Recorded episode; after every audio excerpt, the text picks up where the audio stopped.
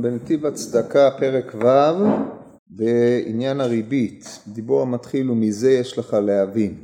אומר המהר"ל מזה יש לך להבין, זאת אומרת לאור מה שנתבהר קודם לכן בענייני אה, ההלוואה שכל עניינה שיהיו ישראל מקבלים זה מזה כדי להראות או כדי שבזה הם יבטאו את היותם עם אחד, ובזה הם מורים על אה, שהשם שברא אותם הוא אל יחיד. אומר המהר"ל, מזה יש לך להבין כמה גדול עונשו של מי שלוקח ריבית. ביסודו של דבר, כמו שהסברנו בפעם שעברה, אחת הבעיות הגדולות בהבנת מצוות הריבית היא, אחרי ככלות הכל, מה עשה? מצד אחד, הוא הלווה לחברו. חברו ביקש את ההלוואה הזאת והיה מוכן לתנאים הללו, ואז, אז אה, הוא התרצה לזה, הוא הסכים שתמורת כסף הוא יחזיר לו, הוא ישלם עבור ההלוואה. והרי הדבר הזה קיים בשכירות, אז פה זה שכירות מאוד במקום שכירות של חפצים אחרים. אף על פי כן אנחנו מוצאים שהתורה החמירה מאוד בריבית על המלווה, על הלווה, על העדים ועל הערב, כולם עוברים בלא תסימון עליו נשך. האם העדים נפסלים לעדות? זה מחלוקת, זה דיון, בגמרא בבבא קמא בדף ל' עמוד ב', אבל כל פנים רואים שהתורה החמירה בזה ובדברי החכמים החומרה היא גדולה מאוד, הוא לא, אין לו חלק לעולם הבא, אין מלאך מלמד עליו זכות ועוד דברים קשים כפי שבאו בדברי הנביא יחזקאל בפרק י"ח, אז uh, נשאלת השאלה למה, מה יש בריבית שהיא חמורה מכל uh, שאר העבירות אחרי ככלות הכל הדבר הזה נעשה בהסכמה של שנינו. אז המהר"ל, כדי להסביר את הדבר הזה, הוא לא יכול לומר, או אי אפשר להשתמש בטענה שהיא, שהריבית מפרקת את החברה, כמו שנאמר על אה, עוון הגז, עוון הרצח. הרמב"ם בפרק ד' מלכות רוצח כותב שאף על פי שזה לא מהעבירות החמורות ביותר, אין לך השחתת יישובו של עולם כזה. עוון הגזל, עוון הגזל זה השחתת יישובו של עולם, כי על זה גזל מקטרג בראש כולם, וזה נתחתם גזר דינם של דור המבול. ריבית, ריבית זה עניין של אה, מוסכמה חברתית, ולא זו בלבד, אלא אצל הגויים הריבית מותרת, ויש מחלוקת האם מצווה לקחת ריבית מן הגוי, או יש היתר לקחת ריבית מן הגוי, לנוחי תשיך או לאחיך לא תשיך, הרי הרמב"ם טוען שעקרונית יש מצווה להשיך לנוכרי. והם בוודאי ידעו לקחת ריבית כשהם היו צריכים לה, והיהודים התפרנסו יפה מאוד מריבית בחוץ לארץ, דבר שהעלה את חמתם של הגויים עליהם פעם אחר פעם, כידוע. בכל מקום, זה, באופן הזה התפתחה, התפתח המסחר, והעולם התפתח. אז לבוא עכשיו ולומר שהריבית היא משחיתה יישובו של עולם זה ודאי לא, לכן צריך טעם אחר. טעם במישור אחר, לא במישור החברתי, אלא במישור הרבה יותר מרומם, וזה מה שהמהר"ל ילך וישאף לעשות בפסקאות הבאות. אומר המהר"ל, מזה יש לך להבין כמה גדול עונשו של מי שלוקח ריבית, כי התורה אמרה שהמצווה שיהיה מלווה לחברו ישראל, בשביל כך נעשו ישראל לעם אחד לגמרי, כאשר מקבל זה מזה, אינם גוזלים זה את זה. כמו שנדבר בשיעור הקודם, יש מצווה להלוות, עם כסף תלווה את עמי, ומצוות ההלוואה איננה רק מהמימד של גמילות חסדים, אלא יש לה עניין הרבה יותר נעלה, והיא להצביע על אחדותו של עם ישראל, כמו שאמרנו קודם לכן. הריבית חותרת תחת רעיון המצווה הזאת חתירה שמבטלת את עקרונה של המצווה לחלוטין. זה מה שאומר המהר"ל. וזה מלווה לו, ברי... וזה מלווה לו, לא לפני זה, כך נעשו ישראל לעם אחד לגמרי, כאשר מקבל זה מזה ואינם גוזלים זה מזה. וזה מלווה לו בריבית ונושך אותו, וכל נשיכה הוא היעדר לאותו שנושך. זאת אומרת הננשך לענייננו נעדר. עכשיו הרעיון בריבית הוא לוקח את זה למצב קיצון אבל אתה הלווית לו 100 שקל עם ריבית שהולכת ותופחת, ריבית דריבית לצורך העניין הזה, אם הוא לא מחזיר כל אה, זמן הריבית עולה אז בסוף הוא צריך להחזיר לך אלף שקלים, אין לו, הוא צריך למשכן את כל רכושו כדי להחזיר לך את ההלוואה הזוטה הזאת של 100 שקל. וכאשר הוא מנסה למשכן, אף אחד לא רוצה לקנות ממנו, מפסיד את כל נכסיו, יורד ונהיה עני, ובעצם אתה נשכת אותו עד כדי זה שהבאת אותו למיתה, כי העני חשוב כאמת. לא אפשרת לו להשתקם, אתה התעשרת על חשבון זה שאותו אדם נעשה אומלל וחסר כל. במקום להיות אחד איתו, לסייע לו, אם הוא, אם הוא עשיר, אז לסייע לו בבחינת קיומה של המצווה להיות אחד איתו, שהוא יקבל ממך, ועל ידי זה שהוא מקבל ממך אתם נעשים אחד, שותפים בעניין מסוים, הפכת את אותה קבלה שהוא מקבל ממך לאמצעי כדי לבטל אותו מכל וכול. זה הנשך. אומר המהר"ל, זה המלווה לו בריבית ונושך אותו, וכל נשיכה הוא היעדר לאותו שנושך. והוא כמו נשיכת נחש, שאומנם זה דבר קטן מאוד, אבל ההרס מפעפע בכל הגוף, מגיע ב- ללב וממית את האדם. ככה הנשיכה הזאת, ההלוואה, זה נקודה, נתינה קטנה, שהנתינה הזאת הולכת ומתפשטת עד שכבר אין לו מה להשיב, ואתה משתלט על כל מה שהיה לו לאדם. יש, לה, יש להבין עונש הריבית. המשפט יש להבין, בסופו של דבר שעונש הריבית על פניו לא נראה כל כך, לא מובן מה החמירו בו כל כך. אז אומר המהר"ל, יש להבין עונש הריבית. אתה יכול להתבונן בתורה ותראה שהתורה התייחסה לזה בחומרה. מדוע? כי על הגזל הגמור יש על זה לאו אחד, לא תגזול. ועל ריבית יש על זה כמה לאווים. דבר שהתורה חזרה והזהירה עליו, זה או מפני שהוא הרבה יותר מצוי, או מפני שהוא הרבה יותר חמור. כן, לולא המהר"ל היינו אומרים שהריבית הרבה יותר מצויה. אומר המהר"ל לא, אלא מפני שהריבית הרבה יותר חמורה. ואצל בן נוח הוא הפך זה, כי בן נוח דינו מיתה על הגזל, ובוודאי על הריבית אינו חייב כלום, כן, לא, לא ברור, לאור מה שטענתי קודם, אדרבה, כיוון שהריבית זו תופעה מצויה, היא קיימת אצל האומות, אז צריך להזהיר יותר בישראל שלא תהיה קיימת מאשר גזל שמוזרים עליו גם האומות וגם ישראל. אבל המהר"ל כאמור לוקח את זה לכיוון אחר, ריבוי האזהרות הוא להורות על חומר המעשה. ועוד תדע, חומר של ריבית, כי אף על גב שנותן הלווה מדעתו עובר בלאו, וזה לא מצינו בשום מקום. בדבר זה, כמו שאמרנו טוב, לפני זה, אומר ראיה נוספת, שהתורה מעוניינת שלא יהיה ריבית בשום הלוואה, מפני שהיא גם, הלווה, גם הוא עובר עליו של ריבית. היי, אבל הלווה עושה מדעתו, והלווה מקבל, מוכן, משעבד את עצמו. אומרים לו, לא, אסור לך לעשות את זה. מזה אומר המהר"ל, אתה למד שהתורה מעוניינת לסלק ריבית מכלל ההלוואות. לא מפני שזה רעת הלווה או טובת המלווה, אלא מפני שהריבית כשלעצמה יש בה פסול, גם אם היא נעשית בהסכמת שני הצדדים. מה הפסול? אומר המהר"ל, וזה לא מצינו בשום מקום, אבל הדבר הזה כמו שאמרנו כי ישראל הם עם אחד, ובשביל כך יש להם אל אחד, ולזה ציווה שיהיה מלווה זה לזה, וזה לוקח ריבית ונושך חברו, וכך הלוקח ריבית מהפך המתוק למר, שמורה לקיחת הריבית הפך זה שמורה ההלוואה, וכך אף הנותן, היה צריך להיות המקבל עובר, וסוף סוף הריבית והנשך מורה שאין האחדות בישראל, שאין אחדות בהם כשני דברים שהם אחד משלים זה את זה, והריבית הוא הפך זה שנושך אותו והוא היעדר אל אחדות. ולכך הלוקח ריבית מאחיו ישראל לא די, או הנותן, הכוונה נותן הריבית, לא נותן ההלוואה, כן? לא די שאין אחד השלמה לשני, רק האחד הוא ההיעדר השני. אומר המהר"ל אם כן, כיוון שרעיון ההלוואה מלבד העניין של העזרה לזולת, שזה בבחינת הצדקה שדרך אגב באומות העולם היה מאוד לא מפותח. לתת צדקה ברומא לצורך העניין, הדבר לא מצוי. לא מצוי, בוודאי לא היה חובה דתית. אדרבה, מי שנותן צדקה נתפס כחלש. הזמנים היחידים שהם נותנים צדקה זה לצרכים פוליטיים. ככה היה אצל הרומאים. שלא נדבר על פדיון שבויים, שזה מוסד שלא היה קיים בכלל.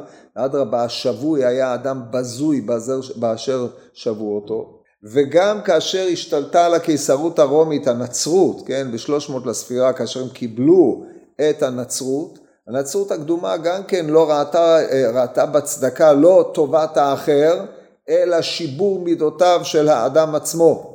כלומר, טובת האחר לא עמדה כנגד פניהם. אנחנו יכולים לראות איך הם התייחסו ליהודים, ולהבין לבד את העניין הזה. מכל מקום, אצל עם ישראל, מלבד הרעיון של טובת האחר, כמו שהמהר"ל העריך בפרקים עד כאן, הרי שהנתינת צדקה, או בהקשר דנן הלוואה, להלוואה יש רעיון, כיוון שההלוואה זה מקבלים זה מזה. הלווה מקבל מהמלווה, והמלווה חוזר ומקבל מהלווה. כביכול הכסף שעובר בין שניהם הופך אותם להיות מחוברים זה לזה.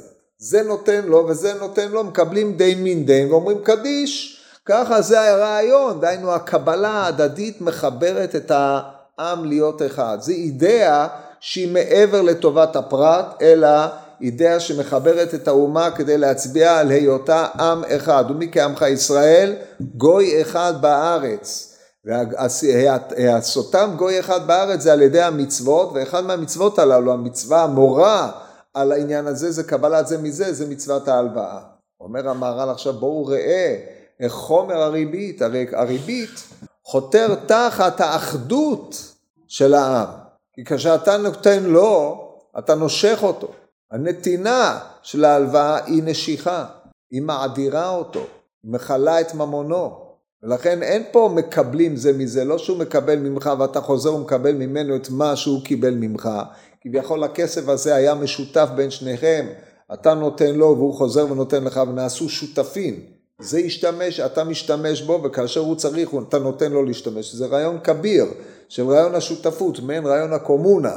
לא, לך יש כסף, תנצל את הכסף שלך כדי להשתלט על הרכוש של האחר, כדי להאדיר אותו, כדי לנשוך אותו. איי, אבל זה נעשה בהסכמתו, אין לו ברירה, אין לו מסיבות אלה ואחרות, הוא מסכים לאווילות הזאת, אבל ההסכמה היא בוודאי איננה קבלה, מפני שמה שהוא קיבל ממך זה לא מה שאתה תקבל ממנו, אלא כשאתה תקבל ממנו, אתה תקבל ממנו פי עשר ממה שהוא קיבל ממך, ובעצם הוא כאשר יבוא אליך שאין לו כלום, תיטול את כל רכושו. אנחנו מקצינים את העניין של הריבית, אבל לשם זה הולך.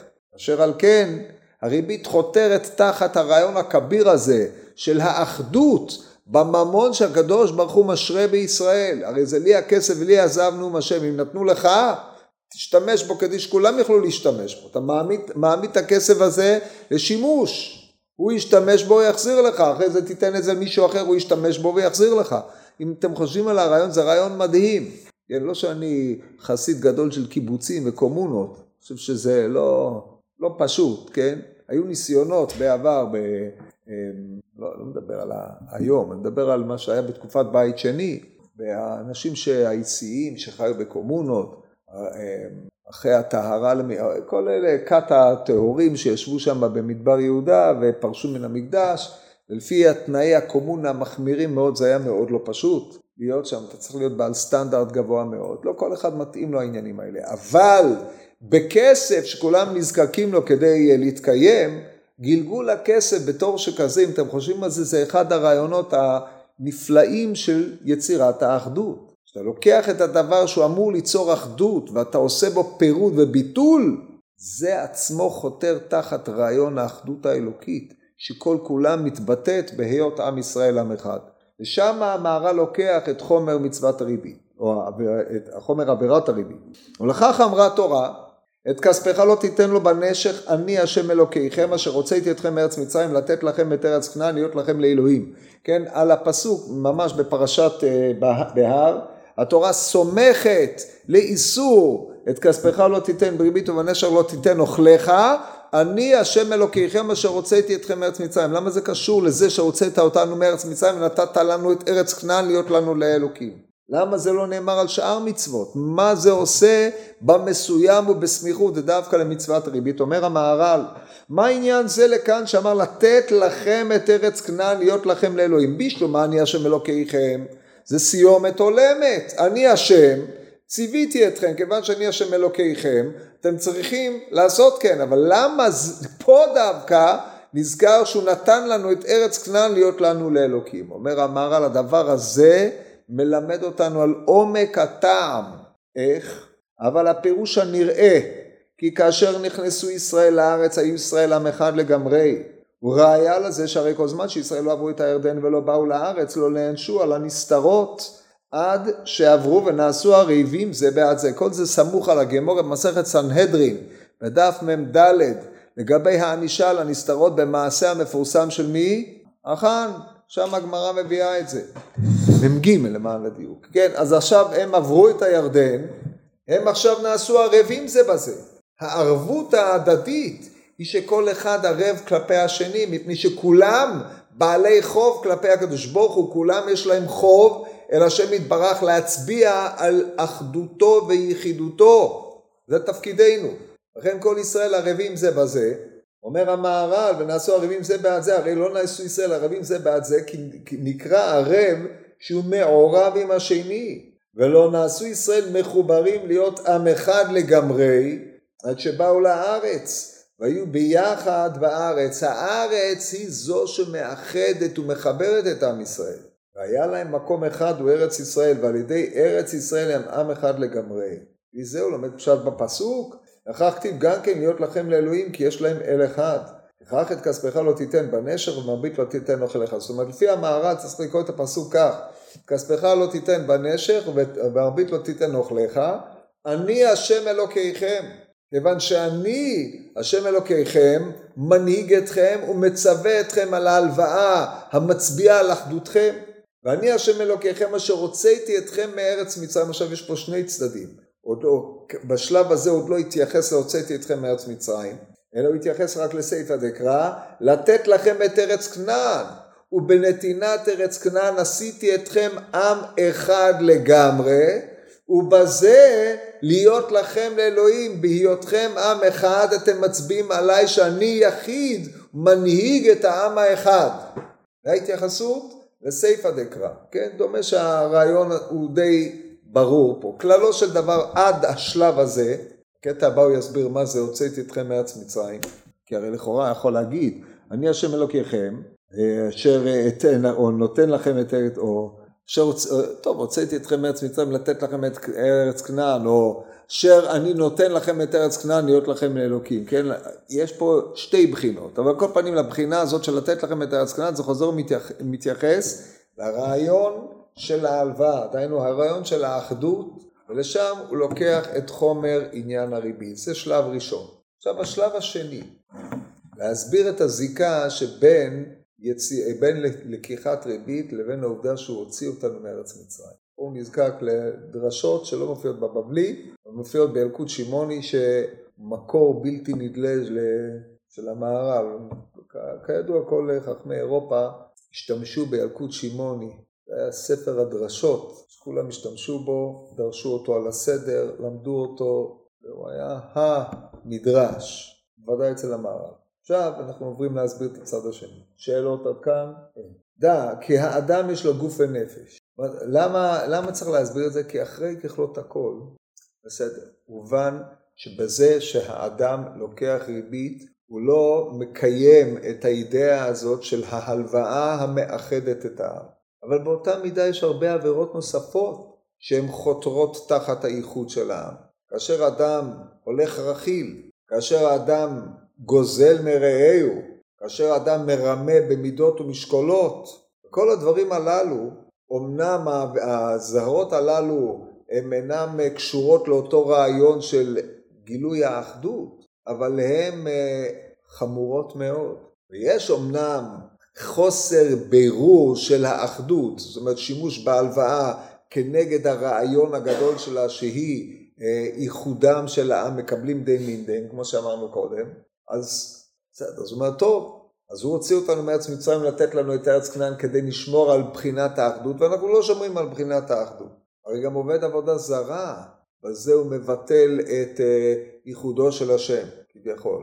לכן צריך לחפש עוד היבט בריבית שהוא מאוד חמור, ופה אתם תראו בפסקאות הבאות את חומר עובר העבירה. פה אנחנו דיברנו על חומר הריבית כשלעצמה.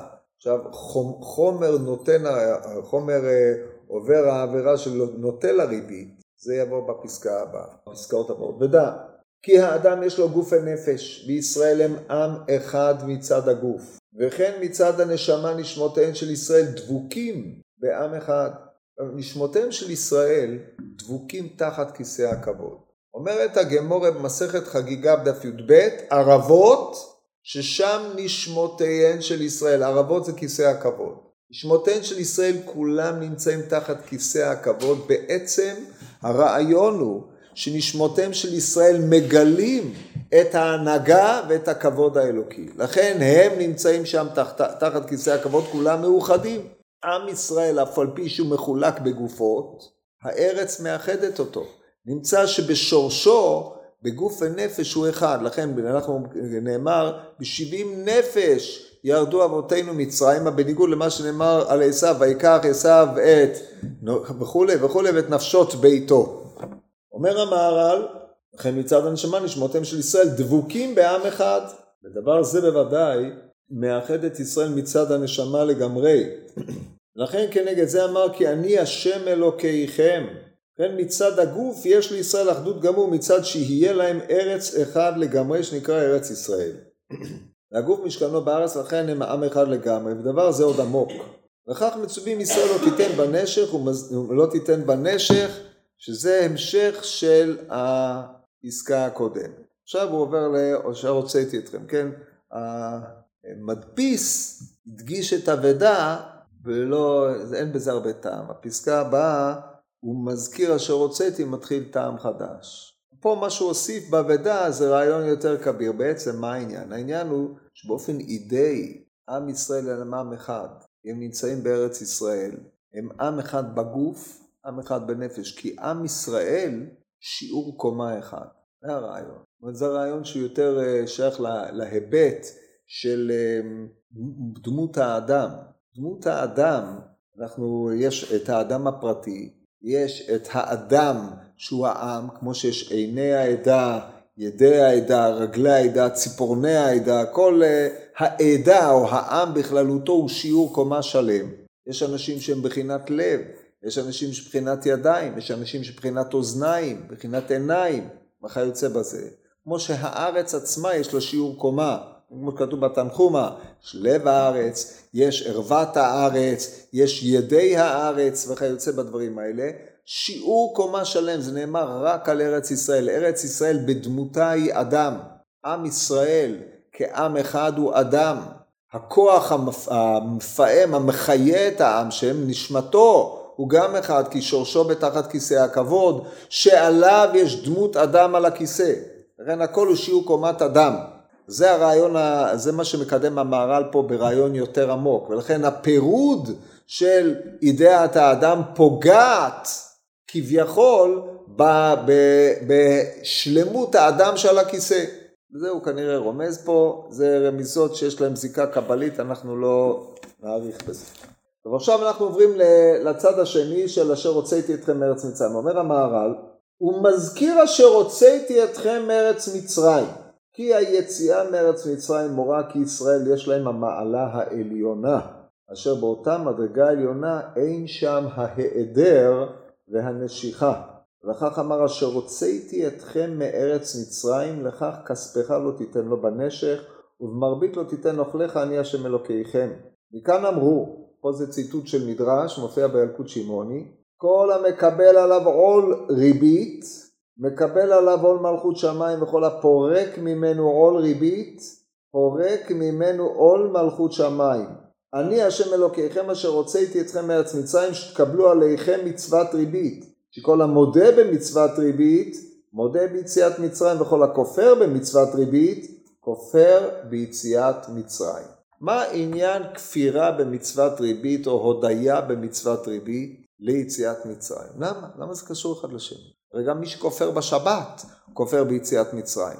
מי שכופר במועדות, כופר ביציאת מצרים. בכל, מי שכופר במצוות ציצית, כופר במצוות, ביציאת מצרים. מה נתייחדה הריבית שעליה אמרו את הדברים האלה? ואיך הוא הבן אדם שומר שבת באדיקות יתרה, לוקח ריבית כדי לקנות לשבת מעדנים, הוא ממצוות ריבית קונה את כל המצוות שלו, מצה מהודרת וכולי, זה התפקיד שלו, יש לו חנות ריבית, מלווה בריבית, מזה הוא מתפרנס. הוא ומפריש לצדקה כמובן מהלוואות הריבית שלו וכיוצא בזה, באו ואמרו לו אדוני, כל מה שאתה עושה זכר ליציאת מצרים, אתה כופר ביציאת מצרים, למה?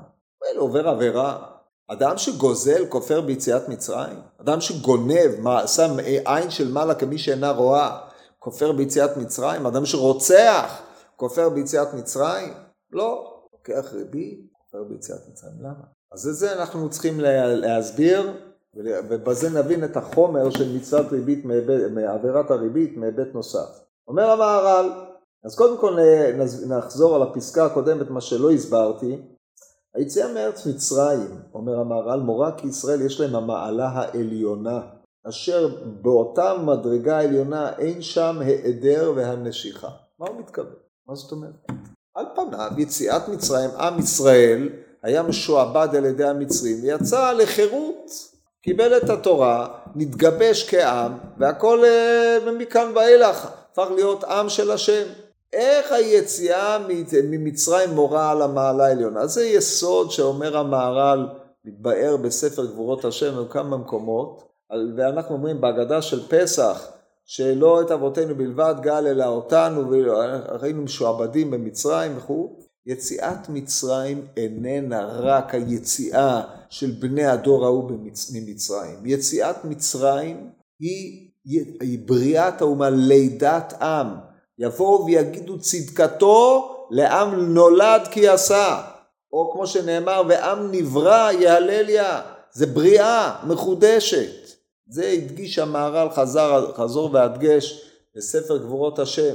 היציאה מן המיצרים אל מעלה עליונה, עם ישראל הוא עם נולד, נתחדש ביציאת מצרים להיות עמו של השם יתברך.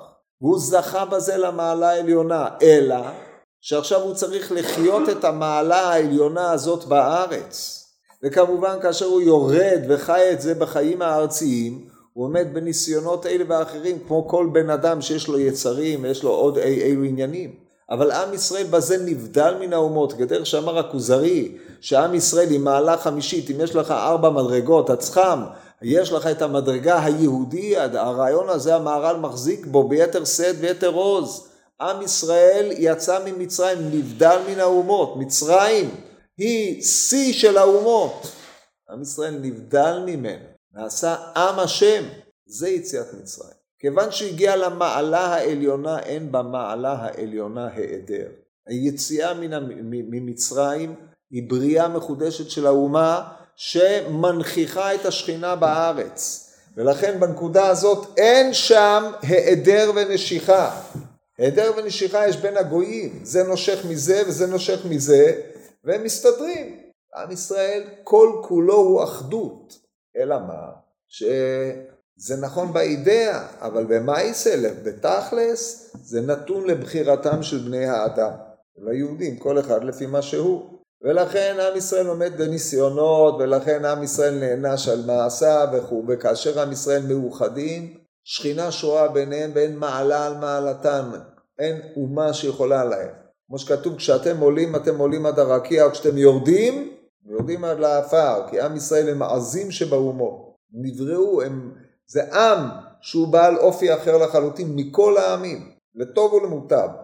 טוב, אז זה מה שהוא התכוון פה, ולכן שם במעלה העליונה אין נשיכה והיעדר. עכשיו נחזור לפירוש המדרש הזה, הילקוט שהוא הביא. פירוש זה כי הריבית הוא עול גדול על האדם, עד שהוא יותר עול מכל המצוות. למה? למה ריבית הוא עול יותר מכל המצוות? אז שימו לב להסבר שלו. וזה מפני כי הלווה הוא חפץ ליתן, ולא שהוא חפץ ליתן, רק שהיא גם כן טובה גדולה אליו, שהוא יכול להרוויח במעות. הלווה אומר, תקשיב, תלווה לי כסף, יש לי עסקה, אני חייב כסף, אני אתן לך פי שניים ממה שהלווית. כי אני עומד להרוויח מהעסקה הזאת פי עשרים. אני מבקש לתת לך ריבית, לתת לך תמורה להלוואה הזאת, כי היא עושה לי טובה גדולה. וכמו שאמרו בפרק איזה הוא נשר כי המלווים בריבית עושה תורת מוישה רבינו עליו השלום פלסתר שאומרים אילו היה יודע מוישה שיש רווח בדבר לא היה כותבו. ואם אינו לוקח ריבית הוא הפסד למלווה שמעותיו אין מעלים לו רווח. לפיכך כל ריבית גדול מאוד. בקיצור אתה יוצא פראייר. הלווית כסף לאדם עשיר הוא עשה עסקאות הרוויח מיליונים מחזיר לך את הכסף שהוא הלווה לך. אתה נשארת, איפה שנשארת, אתה רואה אותו הולך וגודל וצומח. זה תמונה אחת של הלוואה בריבית. הוא מבקש ממך את הכסף כדי להצליח. אתה במקומו, היית אומר, במקום שהמעות שלי יהיו בטלות אצלך, אני הייתי יכול להרוויח. נתתי לך ואתה הרווחת. עכשיו, כמה אדם צריך אה, לחרוק שן ולכופף את עצמו לאותו עול? עכשיו שימו לב, לא מדובר בריבית לעניים, כי זה בוודאי, לא זה לא הדיון, מדובר בריבית לעשירים. שהרי נקודת המוצא של הפרק הייתה שההלוואה כל עצמה לא באה אלא לאחד. לא באה, זה לא הבחינה של הצדקה שבהלוואה, אלא האחדות שבהלוואה. מבחינה זו, כשאתה מלווה למישהו אחר אתה מבטל את היכולות שלך להרוויח בכסף שלך. וככלות הכל זה כסף שאתה עמדת בו והרווחת אותו. אתה נותן לאחר ליהנות ממנו, הוא מרוויח ואתה לא. זה נקרא העול שיש במצוות הריבית לדעת המהר"ל, וכך עול ריבית גדול מאוד, וכך כאשר מלווה מעותיו שלא בריבית, מקבל הוא לא של הקדוש ברוך הוא, אומר הקדוש ברוך הוא, אני ביקשתי ממך, אל תיקח ריבית. כי ההלוואה עצמה מצביעה על האחדות. מה, מה אין לך צרה בזה ש... אז אתה, מעותיך בטלות, אתה השתמשת במעות שלך כדי לגלם את אידאת האחדות. במקום להשתמש במעות שלך לצורכי עצמך כדי להרוויח, העמדת מעות לאחר כדי לחזור לקבל אותם חזרה, להיותם מקבלים זה מזה ובזה מאוחדים, בזה מצביעים מלבד עצם עשיית רצון השם יתברך על האחדות האלוקית וקבלת עול. אומר המהר"ל, כאילו מקיים כל התורה, שכל התורה כולה היא עולו של הקדוש ברוך הוא. והפך זה גם כן, כאשר אין מקבל עליו עול ריבית. זאת אומרת, הוא לא מוכן לקיים את, אה, להימנע מלקחת ריבית. הוא כאילו אינו מקבל עול מלכות שמיים וכופר בכל התורה כולה. כי כל התורה גם כן הוא לא של הקדוש ברוך הוא, וכאשר לוקח ריבית, פורק עול הקדוש ברוך הוא. ובזה נחשב כאילו פורק עול כל המצוות, כי כל המצוות ביחד הם הוא לא של הקדוש ברוך הוא ודבר זה מבואר. עכשיו פה יש לנו איזשהו קושי, כי גם מי שלא מקבל מצווה אחרת או פורק עולו של מצווה אחרת, גם פורק עול של הקדוש ברוך הוא. במה נתייחדה מצוות הריבית, שהוא כאילו פורק את העול לגמרי.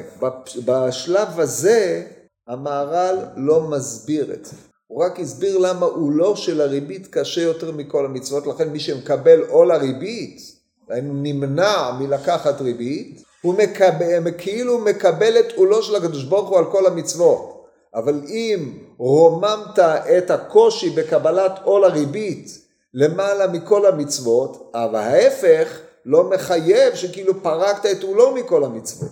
מבינים את העניין? נועם, זה ברור לך? אז אנחנו צריכים להסביר איך זה עובד. בשלב זה המהר"ל גזר סימטריה שאיננה מתחייבת. כן, וכאשר לוקח ריבית פורק עול הקדוש ברוך הוא, בזה נחשב כאילו פורק עול כל המצוות. למה? על כורחנו אנחנו צריכים להגיד, כבר בשלב הזה, שאם יש לאל ידך לקבל עול כל המצוות עליך, אתה לא מקבל, אתה בעצם פורק עול, עול כל המצוות. זאת אומרת, זה נכון שאם אדם פרק עול, לא קיבל על מצוות השבת, לא קיבל על מצוות תפילין, תפילה, או כל מצווה אחרת, הוא פרק עול של המצווה הזאת. אבל קבלת עולה של המצווה הזאת, והמצוות הן לעול על ישראל, כך אומר רש"י במסכת אה, ראש השנה בדף כ"ח, בגדר מצוות לאו ליהנות ניתנו, אלא לעול על ישראל ניתנו. כאשר אתה מקבל מצווה שקבלת העול שלה היא כאילו קיבלת עול כל המצוות עליך, יש, לי, יש לך אפשרות לקבל עליך עול כל המצוות על ידי זה שאתה נמנע רק מלקחת ריבית, אתה אומר אינני מעוניין, אתה בעצם פרקת את הזכות הזאת מעליך, בעטת בעול כל המצוות. זה כוונת המהר"ל פה.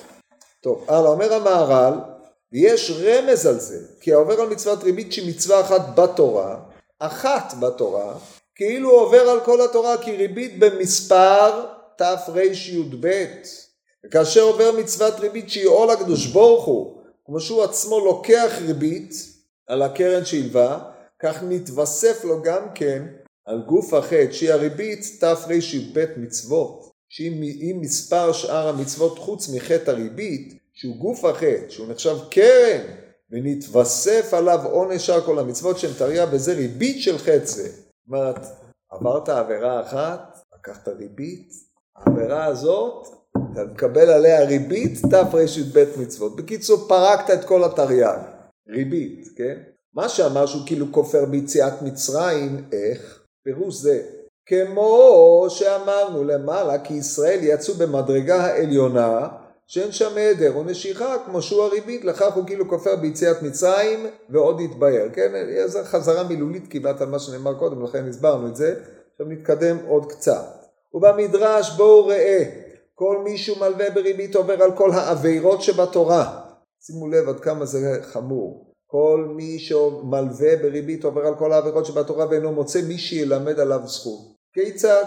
אדם שחטא באחת מן העבירות ועומד לפני הקדוש ברוך הוא בדין, המלאכים עומדים, אילו מלמדים זכות ואילו מלמדים חובה, שנאמר ראיתי את השם יושב על כיסאו וכל צבא השמיים עומדים עליו מימינו ומשמאלו. איפה זה נאמר?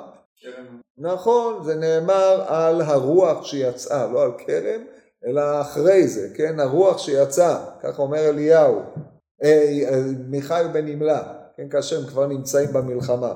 מה זה עומדים על ימינו וכי יש, אומרת הגמור בסנהדרין, וכי יש ימין אצל הקדוש ברוך הוא ויש שמאל, אלא הללו מימינים והללו מסמילים, ותצא רוח, ואת אומרת אהיה רוח שקר בפי כל נביאה, ואומר צא ועשה כן, צא ממחיצתי, ככה אומרת הגמרא. כל פנים עומדים מימינו ומשמאלו, אבל מי שמלווה לישראל בריבית אין אחד מהם מלמד לו זכות. שנאמר בנשך נתן, זה פסוק ביחזקאל, בנשך נתן ותרבית לקח וחי לא יחיה, ביאור זה, כי בכל חטא לא נאמר בו שאין לו זכות מה? כלל, כמו שהוא בריבית. אדם עבר חטאים, מגיעים בית דין של מעלה, בודקים את החטאים שלו. מאידך גיסא לאדם יש זכויות, בודקים את הזכויות שלו, שוקלים את הזכויות כנגד העוונות, ככה הרמב"ם הלכות תשובה בג' ה', אומרים, עורכים את העוונות כנגד הזכויות, אבל בריבית מגיע שמה, יש לך חטא ריבית, אין זכויות. כי הכף ההיא, אין בה כלום, ישר אין חלק לעולם הבא, בגיהינום. למה? וזה מפני שהריבית הוא נקרא נשיכה אל חיותו. פה מחדש המהר"ל חידוש יותר גדול. מלבד שהריבית נושכת את חיות נותן הריבית, דהיינו הלווה, היא גם נושכת את חיותו של מקבל הריבית. מבטלת ממנו את החיות. האדם במו ידיו, בקבלת הריבית, מאבד את החיות של עצמו. נקרא נשיכה אל חיותו, כמו שהוא נשיכת הנחש, אשר הנחש נושך לעצם החיות. כך דבר זהו נשיכה והיעדר, לכך אמר שעל כל חטא יש מלמדי זכות, משאי אפשר שלא יימצא צד זכות בחטא שחטא. אבל דבר כמו זה שהוא היעדר גמור, אין צד זכות. זאת אומרת, בתוך שהוא נשך את חיותו של האחר, זה נשיכה אל החיות של עצמו, אין לו זכות. טוב, המשך יבוא, אבל זה יהיה אחרי חנוכה.